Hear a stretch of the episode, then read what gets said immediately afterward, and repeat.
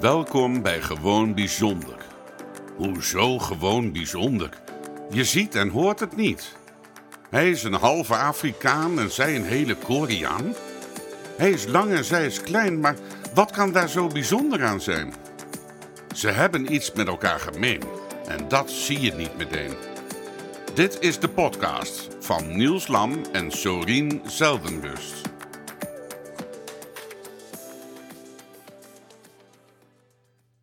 Beste luisteraars, wij zijn vandaag in uh, Sertogenbos op locatie. En wij zitten in het uh, gebouw van Evolvre. En wij zitten nu bij Kim Draaier. Kim Draaier is onder andere mede-eigenaar van Evolvre. Je bent 42 jaar, je hebt drie kinderen en um, je hebt samen met jouw man dus Evolvre. Je bent ook geboren, net zoals ik, in Korea, Zuid-Korea wel te verstaan. En um, je hebt sinds mei vorig jaar heb jij Systemisch Benaderd opgericht, hè? Klopt. En dit is een, ja, een methode om perspectief te krijgen zonder echt de klassieke vorm van opstellingswerk. Ja. En wij zitten hier natuurlijk ook om, uh, nou ja, wij kennen jou beiden ook, Niels en ik. Wij hebben ook onder andere, of nou, jij bent nu de opleiding ook aan het doen hè, van Systemisch Benaderd. Ik heb Ja. het gedaan. En we hebben onder andere jou gevraagd omdat jij heel veel ervaring al hebt in systemisch werk, maar natuurlijk ook ja, vanwege jouw uh, opleiding en jouw vak wat je nu doet, zijn we natuurlijk ook een beetje nieuwsgierig naar jouw eigen systemische kant. Mm -hmm.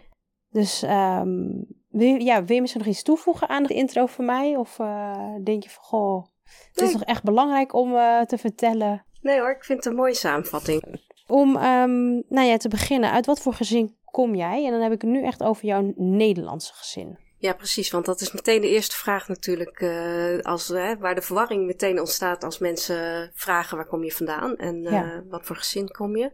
Mijn Nederlandse gezin um, is een redelijk klassiek vader, moeder, moeder gestopt toen het eerste kind kwam. mijn oudere broer, die ook geadopteerd is. Um, vader die de kost verdiende.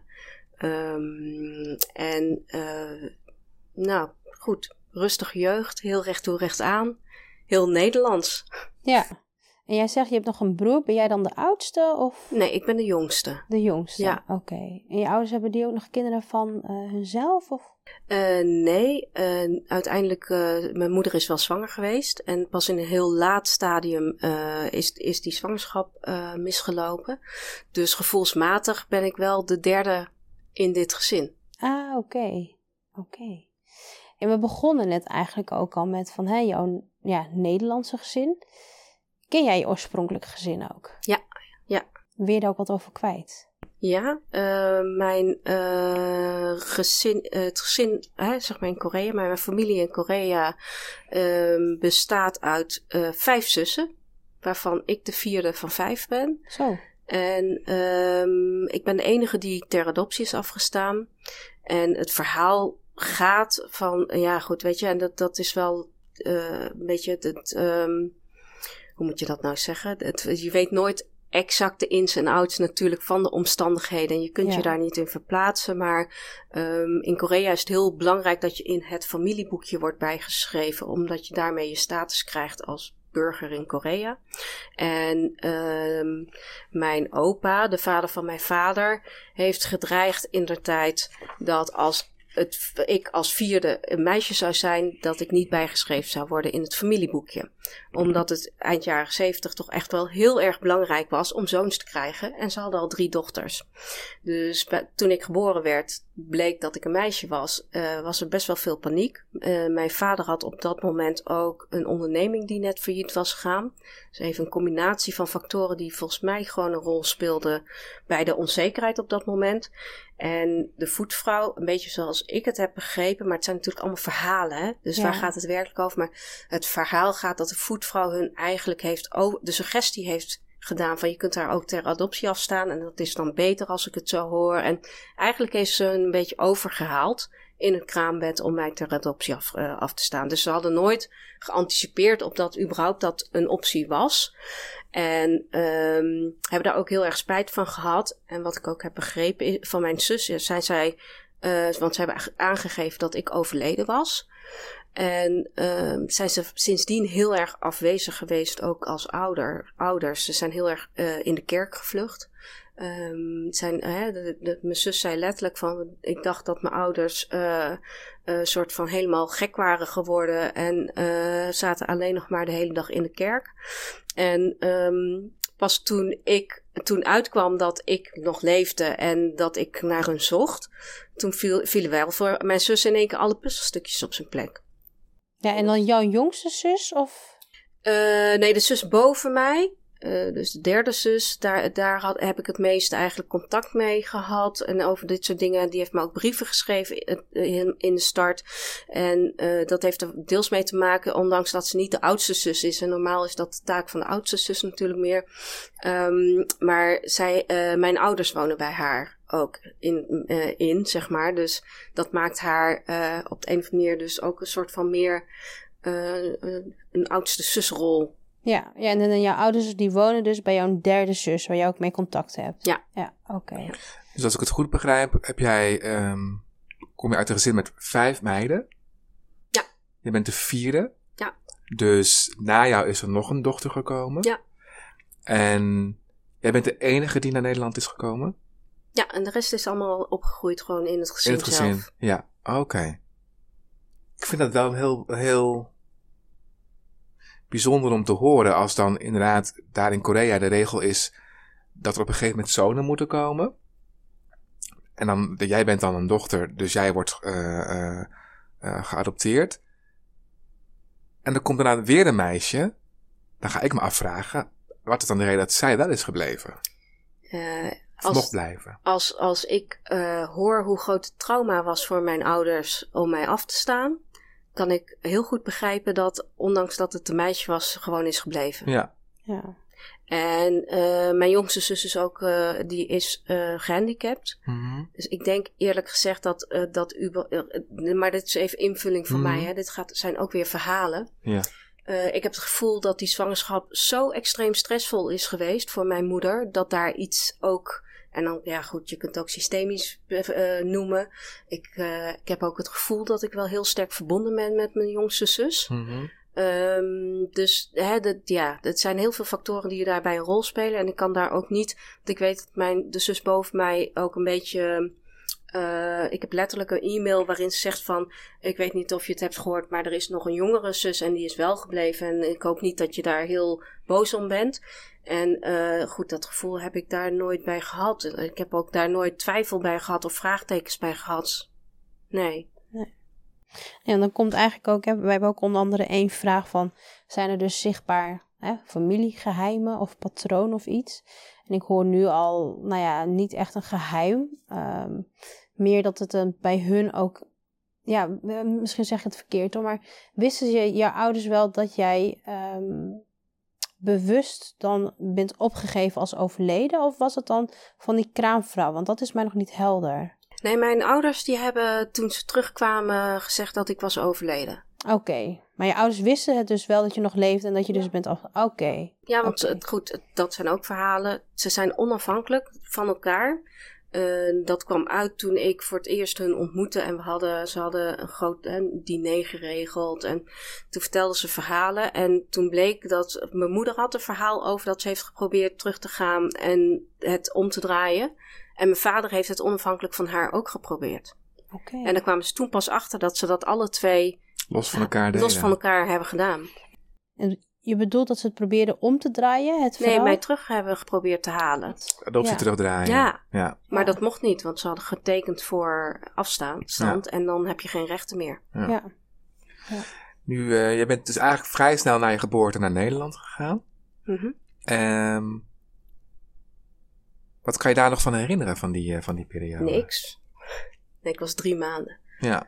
Dus uh, dat vind ik altijd ook grappig als mensen zeggen: Oh, waar kom je vandaan? Korea? Oh ja, spreek je nog goed Koreaans? Ja. Nou ja, net zo goed. ik spreek net zo goed Koreaans als dat jouw Nederlands was met drie maanden. Ja. Uh, dus uh, nee, ik heb daar ook geen. Weet je, de, de herinneringen, dat is wel. Ehm, je hebt natuurlijk dingen meegemaakt en er zijn veel verhalen verteld en er zijn veel foto's. En soms gaan die dingen een beetje door elkaar lopen. Dus dan denk ik van ja, wat heb je nu werkelijk uh, nog uh, als herinnering of wat zijn nog, uh, wat is overlevering? En ik denk dat het, nou, feitelijke herinneringen heb ik niet echt aan die tijd. Nee. Nee. Nee, en dat zeg je eigenlijk heel mooi van, hè, er is dus een overlevering, geef je aan. Wat is hetgene waar jij dan nu in twijfelt? Heb je een voorbeeld dat je denkt van, nou, ik weet niet zeker of dat echt mijn herinnering is, maar misschien komt het ook wel uit de verhalen, want daar ben ik dan wel nieuwsgierig naar. Hmm. Nou ja, goed. Um, bijvoorbeeld hoe ik naar mijn ouders kijk, heb ik wel uh, uh, als kind een aantal dingen gehad die ik gewoon irritant vond of zo. En uh, waarvan ik me afvraag, want dat wordt dan heel groot. In mijn beleving gebeurde dat dan heel vaak of zo. Waarvan ik dan achteraf denk, ja, klopt dat eigenlijk wel? Is dat mhm. dan niet doordat het gewoon uh, één keer is gebeurd en heel irritant was? Um, is dat dan is het niet veel groter geworden in je beleving uh, daardoor. Ja. Dus, uh, en het is ook wel grappig, want ik heb wel uh, later veel met mijn ouders gesproken, ook over aspecten rondom adoptie en hun positie als adoptieouders. En daarin zijn zij een heel proces doorgegaan, net zo goed als dat ik dat ben gegaan. En um, als er dan bepaalde herinneringen waren, bijvoorbeeld dat er wel eens is gezegd toen ik klein was. En dat herkent iedere geadopteerde. Want ik weet dat Hilbrand een keertje in de, in de Kleef heeft, is geopend met van... Iedereen kent wel die verhalen uh, waarin dan wordt gezegd bijvoorbeeld van... Nou, het is maar goed dat je hier woont, want uh, anders had je misschien op straat geleefd. Mm -hmm. En um, als ik dat nu tegen mijn ouders uh, zeg dat dat wel eens is gezegd... zegt ze van, ja, dat, dat is gewoon niet waar. Dat kunnen zij zich echt niet herinneren. Terwijl ik echt wel weet dat er dat soort uitspraken in het verleden wel zijn gebeurd. Ja. Um, ja, is dat erg? Weet ik niet. Ik denk, ik zeg ook wel eens dingen tegen mijn kinderen nu, waarvan ik vroeger zei van, nou, dat is echt heel verkeerd, uh, om, uh, hè, maar in het moment dat je toch dingen zegt. Um, dus, maar, maar, je merkt dus, dus dat uh, de verhalen en um, gebeurtenissen ook in de loop der tijd een soort van uh, deformeren in, in je geheugen en, ja. en veranderen. En sommige ook gewist. Ik denk dat er een heleboel dingen bij mijn ouders gewoon niet op het netvlies staan, die bij mij wel indruk hebben gemaakt. Die zijn gewoon, weet je, niet bewust vergeten, maar die zijn gewoon voor hun niet belangrijk genoeg geweest om op te slaan. Ja, dat is denk ik gewoon een universeel begrip gegeven. Dat geldt voor iedereen, denk ik. Ik bedoel, als ik naar mijn relatie met mijn man kijk dan hebben we, dus, dan hebben we ergens een mot over. Maar het heeft te maken dat ik iets anders heb ervaren dan dat hij het heeft gedaan. En dan zegt hij, oh, heb ik dat gezegd? Oh, nou ja. Zo ja, qua impact dan Ja, ik kan daar een heel punt van maken. En voor hem is het maar een, een, een, een, een mini dingetje. Ja. Dus, dus ja. Nou goed, en dat, dat zijn bijvoorbeeld, dat zit in de systemisch benaderde opleiding natuurlijk heel veel, is het stukje perspectief verbreden en misschien ook perspectief wisselen om die relativiteit of misschien juist om informatie te krijgen um, die je niet automatisch uh, zeg maar meeneemt. Ja. Nu zeg je zelf al systemisch benaderd. Um, kan je aan onze luisteraars kort vertellen wat dat inhoudt? Ja, dat kan ik zeker. systemisch benaderd is een uh, methode die uh, systemisch werk toepassingsgericht maakt. Dus uh, waar veel mensen systemisch werk vooral vanuit de klassieke vorm van opstellingen kent, het familieopstellen of de organisatieopstellingen, of van uh, tafelopstellingen dan in coachings, gaat systemisch benaderd veel meer over um, hoe kun je nou toepassingsgericht het bereikbaar maken voor iedereen. Dus zonder dat je een, een jaar, één of tweejarige opleiding systemisch werk hoeft te doen om wel dat stuk perspectiefverbreding te pakken en om systemische informatie uh, beschikbaar te krijgen om rondom een vraagstuk wat er speelt waarvan je het gevoel hebt van hé, hey, er is iets of uh, wat, wat ik niet, er speelt iets onder de waterlinie, dat je dat in beeld kan brengen. En het is uitdrukkelijk niet bedoeld voor diep traumawerk. Dit zit echt systemisch benaderd. Het gaat echt over de informatie rondom die waterlinie. Zo net erboven en een stuk eronder. En uh, dat hele diepe traumawerk, ja, daar, dat, daar is heel veel zorg, zorgvuldigheid bij nodig.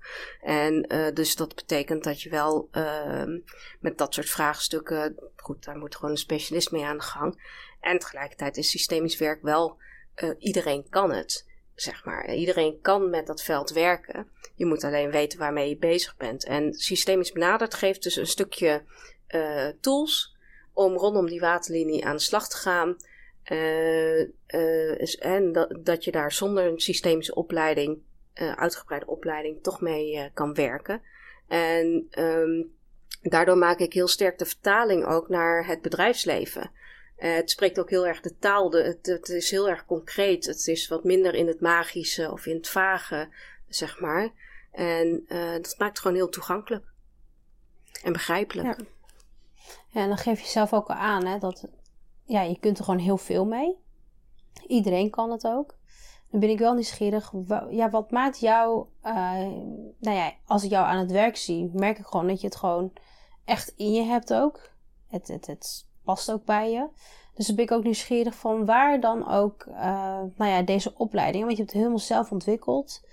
Um, ja, van waar die liefde voor systemisch benadert. Ik vind het uh, systemisch werkveld heel mooi. En um, ik vind het jammer dat het zo nog steeds in de hoek van uh, vaag, uh, zweverig of uh, magisch zit. En dat, dat het toch ook. Um, ja, goed, mogelijk in het werkveld dat er ook mensen werken die dat ook wel prettig vinden. Want dat geeft ze natuurlijk ook wel weer, uh, ja, als niet iedereen dat kan, en er, is ook, ik, er zijn een aantal vakmensen die echt werk daarin doen, waarvan ik denk van ja, weet je, dat, dat, daar moet je ook gewoon uh, op zijn minst heel veel vlieguren voor hebben gemaakt om op dat niveau te komen. Hè, die zit zeg maar op topsport, maar ja goed, je kunt uh, ook amateur tennissen en dat is op zich ook leuk. Ja. En um, uh, dus ik, ik vind het gewoon, het, het ontsluiten van dit soort ehm, van het systemische voor iedereen vind ik gewoon geinig. Weet je, dat is. Uh, uh, ik hou ook niet van uh, dingen te ingewikkeld maken. Dus ik denk dat een van de kenmerken die erin zit ook een stukje eenvoud. Ja, hou gewoon klopt. van eenvoud. Eenvoud, duidelijkheid, heel concreet. Ja. Ja. Klopt. Hey, en dan ben ik nog wel nieuwsgierig, hè, nu we het dan toch over het systeem hebben. Wat is jouw eigen, of hoe zie jij jouw eigen rol binnen jouw familie? Welke? Als zus, maar ook als dochter? Hoe zie je dat? Uh... Ja, maar uh, hier in Nederland of Korea? Oh, ja, sorry, nee, uh, nou ja, in beide dan. Om te beginnen in Korea, daar ben ik wel nieuwsgierig naar. Um, als ik kijk naar Korea, dan. Um... Ik heb jou ooit een keertje horen zeggen dat je daar een, een soort ambulante ambivalente, ambivalente. Ik, ik, ik, houd nog steeds een ambivalente verhouding met Korea. Maar als ik er systemisch naar kijk, en dan ga ik echt, dan stap ik even eh, vanuit een metapositie. Uh, en kijk ik naar, uh, naar het familiesysteem in mhm. Korea en uh, mij als onderdeel daarvan. Mm -hmm. En dan kan ik er op een andere manier van, naar kijken dan als ik vanuit mezelf erin stap, zeg maar. Ja, begrijp ik. En um, dan is mijn inschatting dat het um, systeem in Korea een hele grote onderstroom heeft van dingen die onbesproken zijn. Dat het helemaal past dat ik ter adoptie ben afgestaan en dat dat um, een gebeurtenis is geweest die zoveel impact heeft gehad. Um, ik, ik, ben niet heel erg van dat had zo moeten zijn. Maar wat ik wel zeg, dat het past in, gevoelsmatig in de belaste sfeer die, die, die, die ik meen daar te voelen. Dus dat, dit is ook dan echt jouw lot, om zo maar te zeggen. Ja, ja maar ja, goed. Ik, ik, um, ik ben zelf niet zo heel erg van het hoort zo of het had zo moeten zijn of er is een mhm. vast lot of het is, uh, weet je, ik ben veel meer van in het hier en nu ja. gewoon meegaan met, met, met, met uh, hoe het zich beweegt, zeg maar. Uh, dus er waren ook honderd andere scenario's voor mij mogelijk geweest. Ja. Um, en, um, maar het, het, het past, zeg maar. Um, en ik denk eh, wat ik dan interessant vind is dat toen ik weer in beeld kwam in het gezin, eh, vervolgens binnen een jaar emigreerde mijn oudste zus naar Amerika. Hm. Vanwege een promotie van haar man, die daar, hè, eh, zij is eh, theoloog en eh, haar man is dominee. En eh, die kon daar promoveren en die leidt nu daar een gemeente. Ehm, dus zij komt ook niet meer terug naar Korea. Hm. Vond wel, eh, nou, dit zijn nou van die, di- van die dingen als je, dus eh, qua structuur en dynamiek, dan denk ik van, oh, dat is bijzonder. Ik kom in beeld En iemand gaat weg. anders gaat op afstand. Ja. En wat eronder zit, goed, weet je, ik heb eigenlijk ook helemaal niet de behoefte om daarin te zitten voeten of Hmm. om daarin in, op onderzoek uit te gaan. Of ehm, voelt ook niet eh, als iets wat aan mij is. Dus ik, ik, neem dit soort dingen waar en dan denk ik van, hm, het is wel opmerkelijk, maar Ja. ehm, goed. Ja, het is ook van en- haar, hè? het is en haar daar, keuze. precies, ook. en daar blijft het dan voor mij wel bij. Ik heb niet de behoefte om te gaan zitten graven. Nee, maar het hoeft ook niet, hè? Dat, Nee. eh, ja, dat is mij onder andere geleerd van eh, als iemand dat niet wil, moet je dat vooral niet doen. Nee, maar het, Nee, voelt, maar- het voelt niet. eh, ja, het zou niet juist voelen om daar wel in te graven. Ik ja. denk dat de informatie die voor mij relevant is in dit leven, dat ik die ga krijgen eh, van mijn familie. En dat waar ik uiteindelijk niks mee te maken heb, omdat het van mijn ouders is, bijvoorbeeld. Ja, ja. Ik hoef daar niks mee. Ja, precies. Maar dat is natuurlijk iets wat wij nu weten. Hè? Ja, nee, ik ken, klopt. ik ken ook absoluut. geadopteerden die daar wel iets mee willen. En die daar wel op een andere manier toch naar kijken. En daar. Ja, maar dan gaat het nog ergens anders over. Ik Ja, zeggen, daarom. dan gaat het Dit, inderdaad dit, ergens dit, anders dit, over. dit gaat natuurlijk over. eh, ehm, ehm, ehm, Dit gaat gewoon over haar zus en over haar eigen proces. En daar, Ja. hè, dat is fout als Kim daar wel in gaat graven. Dat zou net zo zijn dat ik ja, maar het bijvoorbeeld gaat bij niet mijn... over, eh, alleen over mijn zus. Hè? nee, het nee, gaat nee, gewoon het gaat überhaupt daar in, de, in het de familie en Ja. het systeem en de dynamieken die daar spelen. ja. En ja, ik ben daar onderdeel eh, van. En nee, ik heb niet het recht om, eh, Nee. tot, de- om alles uit te pluizen. nee. Nee. En nu zeg ik jij net ook van, hè, als ik vanaf metapositie naar ga kijken, eh, is er dan nog een andere manier daar, hoe je ernaar kan kijken, naar dat systeem? Nou ja, ik kan ook eh, vanuit een emotioneel betrokken, fysieke mezelf in het, in, in het systeem plaatsen. Mhm. Maar dan ehm, kan, kan ik alleen vanuit mezelf, zeg maar, eh, waarnemen wat ik om me heen zie. En kan Mhm. ik, eh, is het heel lastig om een beeld te krijgen van en wat voor onderdeel maak ik ervan uit. Dus even op basis van de vraag die Sorien stelde, ga ik meteen kijken van oké, maar dan, dan moet ik eigenlijk dus ehm, vanuit buiten dat systeem naar mezelf inclusief het totaal kijken. Mhm. Om daar een zin, zinvol antwoord eh, op te kunnen geven. Ja, anders heb je te veel emotie die er meespeelt. En, Ja, en ik, dan heb ik het overzicht niet. Als ik erin sta, heb ik dat Ja, snap overzicht ik niet. wel. Ja. En als je kijkt naar het Nederlandse systeem, Mijn Nederlandse gezinssysteem. Ik heb altijd het eh, gevoel dat ik op ehm, dat ik ergens oneigenlijk eigenlijk op de een of andere manier op eh, de eerste plek van, van zeg maar het ge- doodgeboren kind ben beland. En ehm, ja, ik weet niet of dat nu nog eh, nu, of het echt een rol speelt of ehm, ja, nou, de- de- de- even als ik er zo systemisch Mhm. naar kijk, ik denk dat daar, daar nou goed, ik, ik, ik denk er ook niet zo heel erg veel over na van goed, hoe gaat het nu met me en hoe relateert dat misschien aan de context of het gezin waarin ik nu ben opgegroeid. Ehm, want heb je een goede band met je ouders? ja, ik heb een hele goede band met mijn ouders. Ik voel me ook echt wel. eh, eh, ehm, hoe moet ik dat nou zeggen? Ik voel me echt kind van mijn ouders. Wat Eh, mooi. In de zin er zijn ook van, echt verbondenheid. Nou goed, ik, ik, eh, eh, ja, nou ik word ook een beetje nog eh, verzorgd bijna als kind door mijn ouders. Weet je, ik heb nog steeds een moeder die bij me binnen kan lopen en kan denken van, oh, er ligt wel heel veel was en die dat dan in de wasmachine stopt voor me. Weet je, dat soort kleine dingetjes. En dan heb ik een hele bijzondere relatie met mijn Mhm. ouders, doordat mijn man MS heeft en ehm, eh, zij vanuit een mantelzorgpositie voor ons gezin bij ons in, op het terrein wonen. Dus dat maakt dat je heel close met elkaar omgaat. Ja. Eh, maar dat kunnen we. Goed, en Ja, dat ik- maakt misschien nog wel- meer dat ik me kind voel van mijn ouders. Doordat Snap zij ik. zo dichtbij zoveel zorg. eh, de, momenteel, onze kat die eh, is aangereden. En ik ben heel allergisch voor katten. Dus ik kan eigenlijk niet verzorgen. Tenzij ik gewoon s'nachts dan piepend eh, niet meer kan slapen. Dus mijn moeder die komt ook eh, s ochtends tussen de middag en s avonds mijn kat momenteel verzorgen. Want Mark kan het niet, want die kan niet bukken. Eh, dus ehm, de- op die manier. Ik heb hele zorgzame ouders die echt heel veel eh, voor me doen. Ehm, als het, hè, die dat ook graag volgens mij voor me doen. Ik heb ze tenminste niet echt horen klagen nog. Dus, eh, dus dat is eh, ja, Ja. een goede Ik relatie. vond het wel, eh, ik wist niet dat jouw eh, moeder uit Indonesië kwam.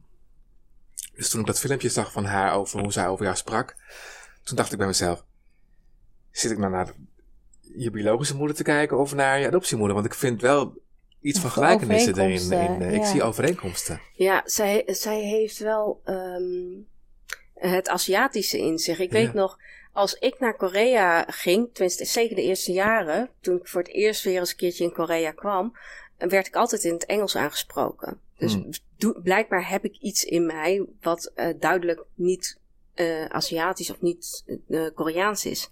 En ik heb pas voor het eerst in mijn leven meegemaakt dat ik in het Koreaans werd aangesproken toen ik met mijn adoptiemoeder in Seoul liep. Hmm. Dus ehm, ja, dus ik, ik begrijp wel, eh, ook qua eh, type uiterlijk, zeg maar. Die, die, die vrouwen zie je ook in Korea. Ja. Ja. Klopt. Ja, En nu naar, even terug naar je adoptiegezin inderdaad. Ehm, hoe was voor jou je, je, je, je, je opvoeding? Eh, had- hadden je ouders bijvoorbeeld bepaalde... Je wat van jou verwacht bijvoorbeeld? Mm, Of voelde je zelf een bepaalde verwachting wat je, waar je aan moest voldoen? Nee, nou ja, goed, weet je, wat mijn ouders altijd hebben gezegd is eh, dat ze het belangrijk vonden dat, ze, dat ik een opleiding zou doen. En het maakte niet uit op welk niveau, maar ze vonden het altijd wel belangrijk dat ik iets zou leren om ervoor te kunnen zorgen dat ik mijn eigen boterham zou kunnen verdienen. En eh, dat is altijd wel, dus het gaat, ik denk, ik weet niet of de vraag met als achtergrond, eh, grom- eh, achtergrond heeft de adoptiedynamiek. Bij mij is veel meer die verwachting dat ik wel mijn eigen broek op kan houden, ingegeven vanuit het vrouw zijn. Ja. En dat mijn ouders het heel belangrijk vonden dat ik niet afhankelijk zou zijn van een man. En dat ik gewoon altijd mijn eigen boterham kon verdienen. Ja. En dat is altijd wel heel, heel sterk in de opvoeding meegegeven. Van zorg er nu voor dat je in ieder geval iets leert. En dat je in ieder geval op een bepaalde manier je eigen geld kan verdienen. Ja. ja, want inderdaad veel geadopteerden en ook wel, ik denk ook wel mensen die in pleeggezinnen zijn opgegroeid, die kunnen ook vanuit de adoptie hè, eh, een bepaalde ehm, verwachting creëren voor zichzelf, maar ook dat bijvoorbeeld de adoptieouders toch een bepaalde verwachting bij hun, hun, hun, hun kinderen neerleggen, waar ze aan zouden moeten voldoen. Eh, maar als ik jou zo hoor zeggen, is het puur het, het vrouw zijn, dat je onafhankelijk wil zijn, niet onafhankelijk wil, dat je niet afhankelijk wil zijn van een man. Eh, ja, niet dat dat voor. Goed, ik zou dat inderdaad trouwens geen voorkeurspositie vinden. Maar eh, mijn ouders vonden dat vooral heel belangrijk. Het is me altijd wel verteld. Van Ja. zorg ervoor dat je niet afhankelijk bent. Ja. ja, maar ik denk dat jij meer bedoelt van... ehm, hè, wat wij natuurlijk ook wel horen, die verhalen van... Hè, ja, je moeder heeft dan ook al een kindje verloren. Dus dat iemand anders eigenlijk die plek innam. Hè, qua moederliefde, dat je daar heel erg moest voldoen. Dus dat je veel meer ging pleasen. Dat, dat ook dingen zijn geweest waar je misschien niet helemaal achter stond. Hè, zoals dan... eh, weet ik ook wel vanuit mijn ervaring is... Nou, mijn moeder wou graag altijd dat ik kapster werd... Ik had er niks mee, dus dan ging je er meer tegen aanschoppen als kind. Maar ja, ik ook heel veel dat kinderen wel zoiets hebben van... nou, dan ga ik wel zuster worden of zo. Omdat mijn moeder dat graag wou. Omdat mijn moeder die droom niet kon waarmaken, bij, Nee, nee, in die, in die zin eh, voel ik me niet verstrikt met allerlei andere verwachtingen of dingen eh, die ik verplicht moest waarmaken. Ik heb altijd eigen keuze. Ik weet, mijn vader heeft later nog een keertje wel gezegd van, ik vind het jammer dat geen van mijn kinderen echt een vak heeft geleerd in de zin van een specifiek vak ambacht, zeg maar. Ambachtsvak, ja. En ehm dus, eh, maar hij heeft dat nooit. Hij heeft nooit vroeger ons gepusht op wat voor manier dan ook. Ik heb ook gewoon alles mogen proberen wat ik wilde. Ik ben ooit begonnen op de kunstacademie. Eh, vond dat helemaal niks. Vond het heel ingewikkeld. Dat, dat is dan wel, maar dan denk vindt, vindt iedereen denk ik ingewikkeld om dan te zeggen van ja, jullie hebben net de kamer ingericht voor mij in Arnhem. en uh, komen na drie maanden achter dat dit toch eigenlijk niet helemaal mijn ding is. Uh, dus, um, maar ik heb echt wel de ruimte gekregen om mijn eigen weg te gaan. Qua wat ik dan wil met studie. Dus ik heb daarna besloten van, nou, ik wil geen wil niet meer een vak leren. Ik wil gewoon alle deuren open houden voor de rest van mijn leven. Dus als ik vandaag nog besluit, ik wil toch nog iets anders uh, worden. Later als ik groot ben, dan moet dat nog steeds kunnen. Dus, uh, dus maar dat doe je nu toch ook eigenlijk wel een beetje bij, Ev uh, bij Evolveren. Want Evolveren is toch ook meer persoonlijke leiderschap, maar ook sales, toch? Dat... Ja, maar daar, goed, daar bemoei ik me wat minder tegenaan. Maar we, we hebben inderdaad een aantal producten waarin we betrokken zijn. En uh, goed, in die zin um, um, volgen wij vooral, eh, zijn we heel erg van wat komt er langs en waar worden we warm van of waarvan denk van hé, hey, dat is leuk. Dan gaan we mhm. dat doen. Ja. En dat is wel. Um, maar als jij morgen bijvoorbeeld denkt van goh, ik wil een nieuwe studie ontwikkelen wat bij mij past, dan ga ik dat gewoon doen. Ja, ik geloof, ik, ik, geloof niet dat ik vastzit aan, nee, uh, aan waar ik nu, de weg waarin ik nu zit. En natuurlijk zijn er, is het relatief, want we hebben verplichtingen, we hebben personeel in dienst. Uh, en uh, ik, ik gein altijd, ik kan nog altijd arts worden. Maar voordat ik een medicijnstudie nou ga oppakken, weet je, dat, uh, dat is niet zo voor de hand liggend. Maar ik, ik geef het altijd wel als voorbeeld dat ik gewoon vind dat het maakt niet uit eh, waar in je leven je nog staat. Als je nou echt iets heel graag zou willen, nu, dan vind ik gewoon uh, dat dat bereikbaar moet zijn en dat het gewoon moet kunnen. Ja. ja. Ongeacht leeftijd of, of, wat dan ook. Ja. ja. Nou, je bent nog jong. Ja, ik ben pas 42. Ja, daarom. Je bent nog jong. Ik kan nog tijd van de wereld. minimaal uh, vijf uh, andere carrières uh, ontplooien. Ja, waarom niet? Ja, ik wil zeggen, waarom niet? Heb, je, heb je nog iets wat je heel graag zou willen dan? Um, nee, niet uh, specifiek nu.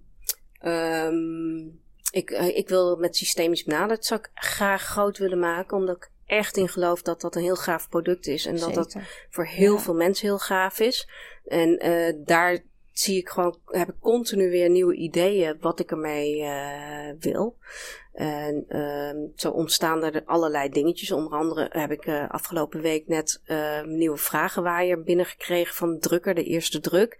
Dus uh, dat is een van de vele dingetjes die zeg maar binnen systemisch benaderd, die, waar dan energie op zit. En dan volg ik dat. En het is gewoon hartstikke leuk, weet je. Het is een enorme klus, maar er zit dan zoveel energie op. Het is hartstikke leuk om te doen. Dan denk ik van ja, um, ik, ik geloof niet zo dat het leven bedoeld is om alleen maar te lijden en op zwaar te zijn. Ik denk dat het vooral bedoeld is om, uh, om plezier te hebben, ook in een heleboel opzichten.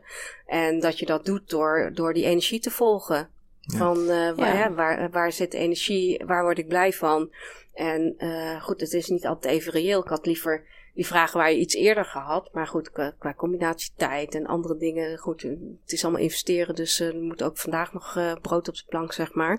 Maar goed, ondertussen is het project nu uiteindelijk wel uh, afgerond. En als het, als de energie niet goed zat, dan was dat project nooit afgerond geraakt. Mm -hmm. Ja, want zo ken ik je ook. Jij doet alles vanuit energie. Hè? Zodra de energie ook weg hebt, ook. Hè? En want jij voelt het ook heel sterk aan, vind ik altijd. Vind ik altijd heel knap voor jou.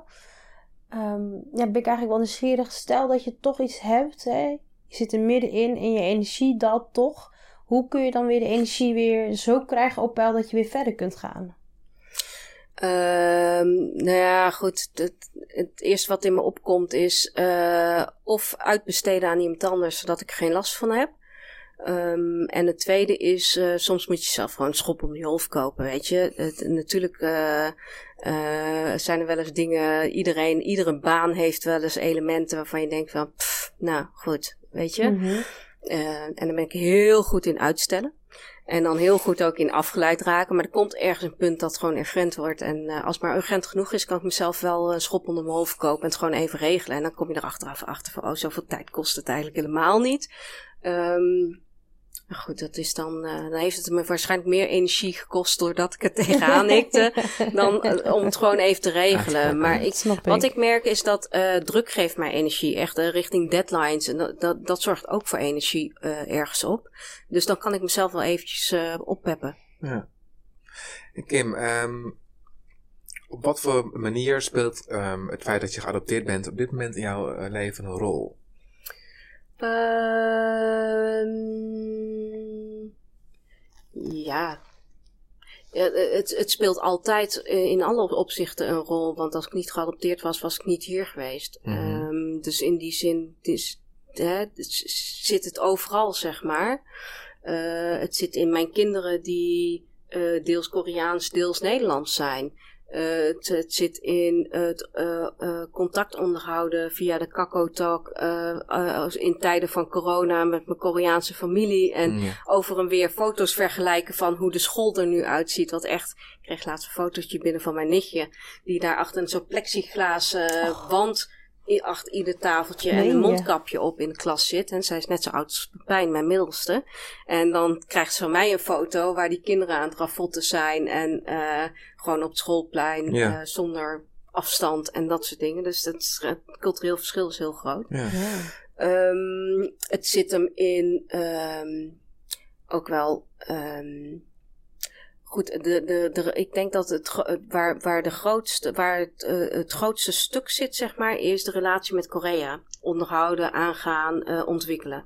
Oké. Eh, als je 32 jaar geen relatie met Korea hebt gehad eh, en nu 10 jaar wel, ehm, dan, dan blijf je gewoon ehm, daar wel, ja, dat, dat ontwikkelt zich gewoon. Mhm. Dus, eh, en, en dat is misschien het gekke, het, het blijft nog steeds niet gewoon voelen. Ehm, het, terwijl je er wel geboren bent en vandaan komt, en eh, terwijl je ouders zijn en je zussen, voelt het nog steeds ni- niet gewoon. Ja. Ja.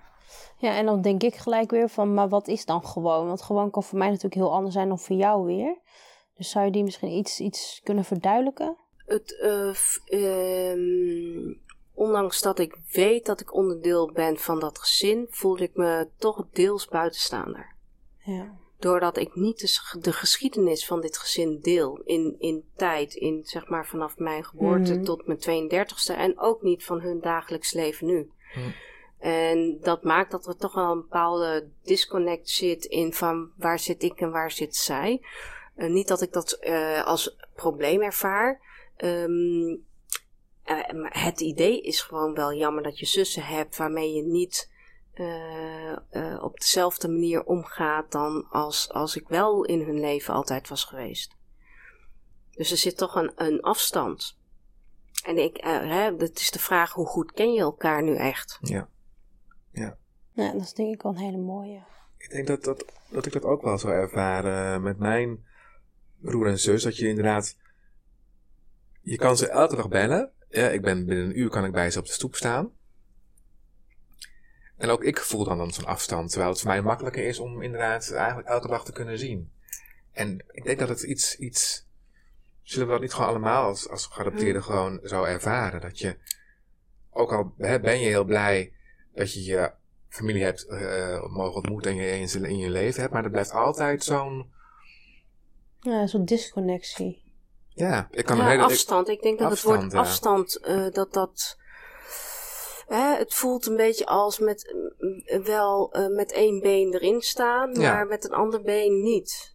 ja, En ehm, ik sprak op een gegeven moment eh, een eh, Koreaans geadopteerde die getrouwd is met een Koreaan die al jaren in Seoul woont. En eh, haar, haar ouders ook alle twee kent. Haar ouders zijn gescheiden.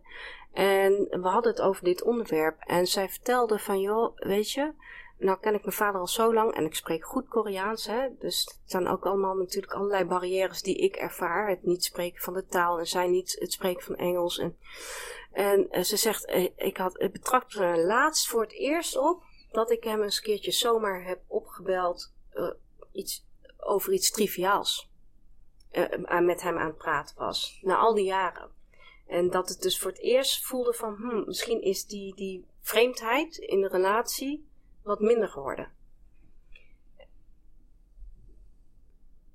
Ja, ja, dan moet ik ook gelijk denken aan, nou ja, wij dan ook. En ja, dat maken we allemaal wel mee. Ik, ja, je leert iemand kennen en dan keer de geschiedenis ook niet van. Maar dan ga je ook een bepaalde band aan. Hè, gewoon een vriendschap of iets anders.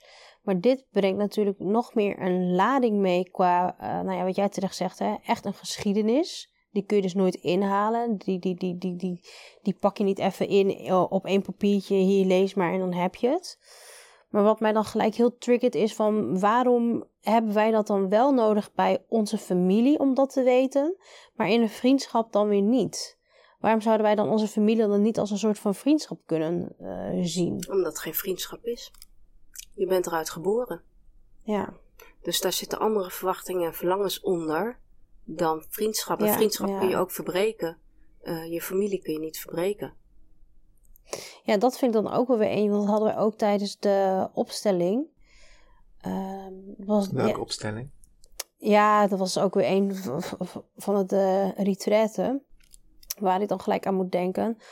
Van waarom zou je wel naar Korea gaan als je het zelf niet wil? Puur omdat dan daar jouw echte gezin of je echte maar hè, jouw ouders daar wonen. Doe je dat dan uit verlangen voor hun of doe je dat dan puur voor jezelf? En dat is dan denk ik ook een beetje van ja, dan heb je wel je ouders gevonden, maar eigenlijk wil je daar dus iets niet mee. Maar dan verbreek je niet zo snel het contact, omdat het dus eigenlijk je gezin is. Hè? En wat jij terecht zegt, ja, bij een, familie, of bij een vriend of vriendin kun je makkelijker afscheid nemen dan dat het je gezin is. Ja, nou zijn er dus veel geadopteerden die, die het contact laten verwateren en elkaar nooit meer uh, zien hè, qua familie. Maar ik mhm. heb zelf uh, omdat het redelijke rollercoaster was. Uh, want ik had niet verwacht dat ik mijn familie zou vinden. En ik had vooraf ook eigenlijk dat verlangen wat minder. Um, heb wel gezocht meer van een uh, soort van away from motivatie. Dat stel dat je dat later toch wil en ze blijken overleden te zijn, krijg je er misschien spijt van. Dus ik denk van ik mhm. wil het onderzoeken. En dan kan ik het daarmee ook afronden. Uh, dan houdt het je niet meer bezig. Ja. Maar ja, vervolgens vond ik ze. En ik heb uh, ze toen ontmoet. En uh, ik, ik ben voor drie dagen in, naar Korea gevlogen om ze te ontmoeten. Want dat was qua planning was dat de enige optie. En vervolgens heb ik ze meer dan een jaar uh, geen contact met ze gehad. Omdat ik voor mezelf tijd nodig had om voor mezelf vast te stellen wat wil ik ermee. En ik wilde ook echt dat het van mij was.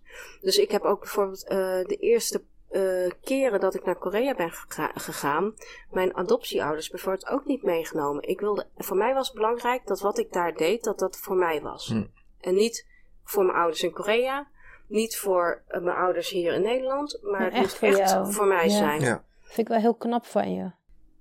Ja, en dat maakt dus dat ik gewoon ook mijn uh, Koreaanse moeder, die zei ook van ik was bang dat ik je nooit meer zou zien na die ene keer ja, na die ene keer wist ik ook niet wat ik ermee wilde. En dus ik heb ook, denk ik wel, die afstand een beetje op die manier toen gehouden. Om ook uh, die optie open te houden voor mezelf. Dat ik met goed fatsoen zou zeggen van, nou, weet je, we weten van elkaar dat het goed met elkaar uh, gaat. En uh, ja, verder hoef ik er niks meer mee. ja. Dus, en dat is uiteindelijk niet het besluit wat ik heb genomen. Um, maar ik heb wel dus tijd genomen voor het proces daaromheen. Om ook daar te kunnen komen, had ik dat ook wel nodig. Ja, ja. ja nee, dat begrijp ik wel. Ja. Je hebt uh, drie kinderen. Mm um, heb jij een moment uitgekozen in ieder zijn hun leven om hun iets over jouw adoptie te vertellen? Nee, ik heb het eigenlijk uh, nooit specifiek over mijn adoptie, maar ze weten gewoon uh, dat, uh, dat ik geadopteerd ben. Ja. Punt. En ik heb natuurlijk, uh, hè, ze weten ook dat ze uh, opa en oma in Korea hebben. Mm-hmm. Dus ze hebben een opa en oma hier, zeg maar. Ze hebben een opa en oma Zeeland en een opa en oma Korea. Ja. Yeah. Dat is uh, voor hun gewoon een gegeven geweest.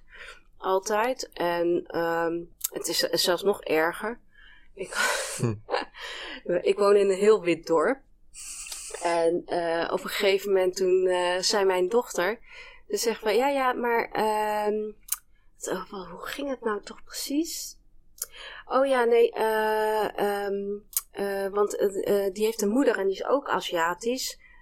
Want die is ook geadopteerd. Maar ja, alle, alle Aziatische mensen zijn bij ons in de buurt zijn geadopteerd. en het erge is, het, voor het, het grootste deel is dat ook zo. Dus um, ja, Zo'n zo soort link maken ze dat ik ook dacht van ja goed, voor hun is dat, voor hun is het geen ding. Nee, nee dat, dat, volledig Het is gewoon zo en dit, ja. dit is mama, punt. Ja, dat zegt ze ook tegen anderen dan van, uh, dat zijn uh, een tijd terug naar Korea geweest en dan vertellen ze van ja nee, ja, ik ben naar Korea geweest. Ja, want mijn moeder is geadopteerd en die komt daar vandaan en uh, voor hun niet... Nee.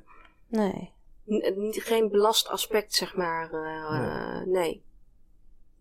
Maar goed, ik weet ook niet anders dan dat ik het altijd heb geweten. Nee, Ja. klopt. Dus- klopt. Nee, dat is natuurlijk ook dan hetgene wat je hebt geleerd. Dat geef je natuurlijk ook zo weer mee. Ja, er zijn natuurlijk wel gevallen bekend van geadopteerden die dat natuurlijk wel, hè, die het anders hebben ervaren. En ik Hmm. weet ook bijvoorbeeld van vrouwen die geadopteerd zijn en nu zelf kinderen hebben, dat ze het bijvoorbeeld ook heel moeilijk vinden om moeder te zijn over hun eigen kinderen.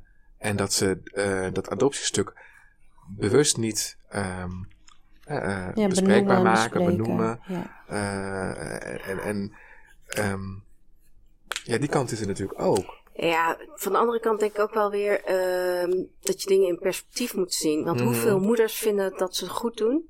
En vinden het makkelijk om hun rol als moeder te hebben, ook Ja, niet geadopteerden. ja dat denk ik ook. En hè, er zit altijd die twijfel, doe ik het wel goed? Er zit altijd, weet je, in iedere fase van weer dat je denkt van, oh, hoe gaan we dit aanpakken? Hmm. En, ehm, en natuurlijk kunnen daar allerlei adop adoptiethema's doorheen spelen. En tegelijkertijd denk ik ook wel weer van ja, ehm, het moederschap is nu eenmaal. eh, je, je gaat pas, eh, pas over 50 jaar eh, misschien weten of je het goed hebt gedaan. Ja. Ja. Ik denk dat het mooi is om onze laatste vraag dan erin te gooien. Weet je het heel zeker? Ja. Oké. Oh, Niels die wil nog meer weten. Nou, kom maar op. Nou ja, ik had net nog een vraag inderdaad tijdens dat ik naar jullie aan het luisteren was, maar die is, hem, die is eh, gewegfladderd. die is weggefladderd inderdaad. Oh, dat heb je wel eens. Ja, Misschien komt hij straks wel als we in de auto terugzitten. dat is altijd En zo. Ja. Ik heb Niels niet zo gezien van dat hij iets. Ja, dat hij iets wou zeggen. Nee, ik ook niet. Blijf wel rustig vandaag. Nee, we hebben een, eh, we hebben een laatste vraag. Ehm, voor zo, eh, onze podcast, die, eh, die heet gewoon bijzonder. En eh, wij zijn toch erg nieuwsgierig wat jouw leven nu zo... Wat maakt jouw leven nou gewoon bijzonder? Ik denk, ehm, als ik gewoon om me heen kijk, naar, ehm, on- ondanks alle, alle tegenslagen die er ook gewoon zijn, zeg maar, eh, is dat we het eh, in de kern gewoon fijn hebben met elkaar. We hebben het fijn met vrienden. Ik heb het fijn, eh, als ik in Korea ben, heb ik het fijn met mijn Koreaanse familie. Als ik hier ben, heb ik het fijn met, met mijn familie hier. We hebben het fijn met de kinderen. En ehm, ondanks dat we echt wel periodes ook hebben meegemaakt van stress, onzekerheden, tegenslagen en dat soort dingen, denk ik altijd wel dat, dat we in staat zijn, hè, of misschien dat het- dat ook wel mijn kracht is, dat ik in staat ben om in het moment er eh, iets leuks van te maken of iets moois van te maken. Eh, en mooi hoeft voor mij niet groot en meeslepend te zijn. Hè? Ik, ik hou van de, ook de kleine dingen. Ehm, en eh, gewoon van de kleine dingen genieten. Weet je, de, spelletjes doen met kinderen en dat soort dingen. Ik denk van dat kan altijd. Daar kun je altijd op terugvallen. En dat maakt juist eh, het leven fijn. Het, eh, weet je, het, eh, ik ben ook geen. niet iemand die extreem alle plekken op de wereld per se moet zien en allerlei bucketlists heeft over alles wat moet. Ik, dat, misschien maakt dat mijn leven gewoon bijzonder. Ik moet niet zoveel van mezelf. Er is weinig wat ik moet. Ja. En ik kijk ook mild naar mezelf als het gaat als ik eens een keertje iets tegen de kinderen heb gezegd waarvan ik dacht van nou, is dat nou zo aardig? Ja. Of weet je, ik, ik kan redelijk mild eh, ook wel weer naar mezelf kijken. Dus eh, terwijl mijn lat wel hoog ligt. Ik wil zeggen, want je lat, Ja. ja. je bent best wel perfectionistisch. Mijn lat ligt ho- hoog Ja. eh, en ik kan, kan dingen heel goed relativeren. Mooi. Ben je tevreden? Ik ben Ja, tevreden. je keek zo streng naar me. Ik denk van misschien moet Hè? Nee, ik ben tevreden. En jij, Sorien? Ik ook. Mooi. Ja. Dan eh, willen we je hartstikke bedanken voor, de, voor je tijd. Fijn dat we ook bij je in, in, eh, op je locatie mochten zijn. In Sertogenbos. In. Ook Nou, nog kijk, eens, nou, we ja. kijken op het mooiste gebouw, vind Ja. ik. We kijken op de Sint-Jan. Ja. Ja, de is binnenstad, juist Jan. eh, ja. Sint-Jan en het provinciehuis. Ja. Wat we nog wel even kunnen, aange- kunnen melden is dat, we, dat Kim iets weg gaat geven, hè? Oh ja, Oh ja. ja. Ja, wat- Kim, wat- wil je daar nog iets over vertellen? Ja, Ja. daar moest ik heel diep over nadenken. Wat zou ik toch kunnen weggeven? En ehm, uiteindelijk natuurlijk omdat ik deze week eh, van mijn drukker de eerste eh zending binnen heb van, Oh ja. eh, van mijn vragenwaaier, heb ik besloten dat ik één algemene vragenwaaier ga verloten. Ja. En het, het leek mij zo leuk ehm, als mensen, en dan moeten jullie straks in jullie podcast maar ergens een ondertiteltje zetten wat de deadline gaat worden. Mhm. Ja. Dat zij jullie een berichtje kunnen sturen van ik wil die vragenwaaier winnen. En dat we dan ergens ah, na die deadline bij elkaar komen met een hele grote hoge hoed. Ja. En daar doen- alle namen in. En dat we dan bingo-balletjes idee. Precies, en dan gaan we, gaan we, een, eh, gaan we hem filmen Ja. en dan gaan, gaan we die nog eh, Ja. op de sociale media gaan we de winnaar bekendmaken.